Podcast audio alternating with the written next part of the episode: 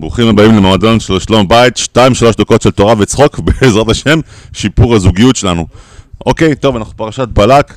אמ, יש איזה אחד מהחיזבאללה, והוא התחתן עם אישה שהיא אילמת, לא יכולה לדבר. וכשהוא כועס, וואי, איזה זעם, איזה קללות יוצאות מהפה שלו. את ככה וככה, את טה-טה-טה, טה-טה-טה-טה-טה, עם הידיים, עם הפה, אביות פנים. והיא שותקת, היא אילמת, לא יכולה לדבר. טוב, עכשיו מגיעה התורה עכשיו להחזיר לו.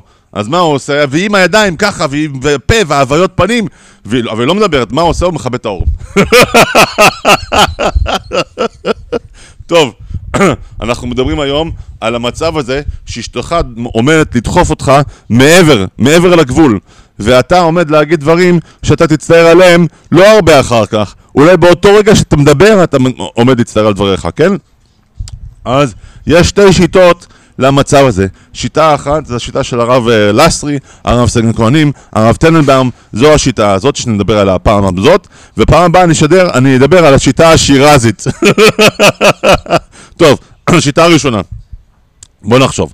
רבי עקיבא, אומרים לנו שהוא נגזר עליו גזר דין מוות בצורה הכי אכזרית בעולם. מביאה גמרא במסכת ברכות ס"א עמוד ב', שבאו לסרוק את, את הבשר שלו במסרקי ברזל.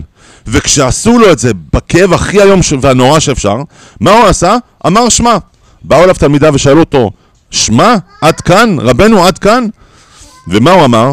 כל חיי תהיתי, איך, מתי אני אוכל לקיים את מצוות בכל לבבך ובכל נפשך, כן? ועכשיו שבאה לידיי לא, יקי, לא יקיימנה? טוב, בואו נחשוב על זה רק רגע. איך הוא יכל להתכחש לכאב הפיזי שלו. זה רק בגלל שבאמת כל החיים שלו הוא עבד על עצמו. כל החיים שלו הוא עבד על, ה, על הסטייט, על, ה, על התמונה המנטלית הזאתי, שהוא יוכל לעשות את המצווה הזאתי. מה הקשר שלנו? מה, מה למצוות ש, מצ, אה, שמיטה להר סיני? מה, מה הקשר לקללות? הקשר הוא שכשם שהוא עבד על עצמו כל הזמן הזה, ברגעים שהוא היה רגוע, ואכל אחרי זה ברגעים של מתח להגיע למנטליות הזאתי, ככה גם אתה עכשיו, בזמן שאתה רגוע, בזמן שאתה באמת עצמך, אתה יכול לעבוד עצמך, באמת, אתה באמת רוצה שהשיניים של אשתך ייפלו? אתה באמת רוצה שיקרה משהו רע? לאשתך אשת חיל, אישה כזאת טהורה, אימא של הילדים שלך? תחשוב על כל הבעיות וכל, וכל המבחנים שעברו עליה במשך החיים שלה. לא, לא המעט שבהם, הוא אתה בעצמך. טוב, בלעם הרשע, הוא בא לקלל אותנו, כן? פרקי אבות אומרים לנו, שהייתה לו עין רעה וגאווה, והוא היה בן אדם חמדן, אוקיי? אברהם אבינו לעומתו, הייתה לו עין טובה, הוא היה בן אדם ענב, והוא הסתפק בכל מה שקדוש ברוך הוא נתן לו. תחליט אתה, כמו מי אתה רוצה להיות?